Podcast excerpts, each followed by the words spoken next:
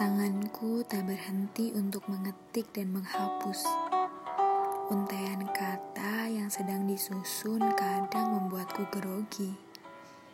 Entah apa yang ingin aku katakan pada orang yang tercantum namanya di box chat itu. Padahal sangat singkat jika aku hanya mengatakan aku rindu. Tapi entah kenapa Rindu yang berjarak membuatku enggan untuk mengatakan itu.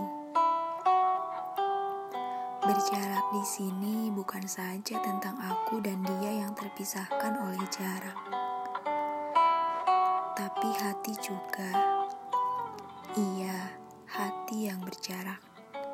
Sepertinya tak pantas saja jika aku mengatakan kata sakral itu kepada orang yang tidak sama-sama menaruh hati. Sapaan kabar sepertinya kalimat yang baik untuk mengobati rasa rinduku, pikirku.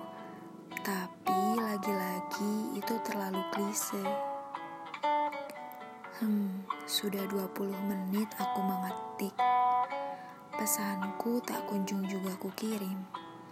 Terus mengira-ngira sapaan seperti apa yang harus dikirim. Lama sekali Aku terdiam sejenak sampai pada akhirnya kata-kata yang sudah kususun tadi tidak jadi aku kirimkan. Terkadang rasa rindu tak harus dibayarkan.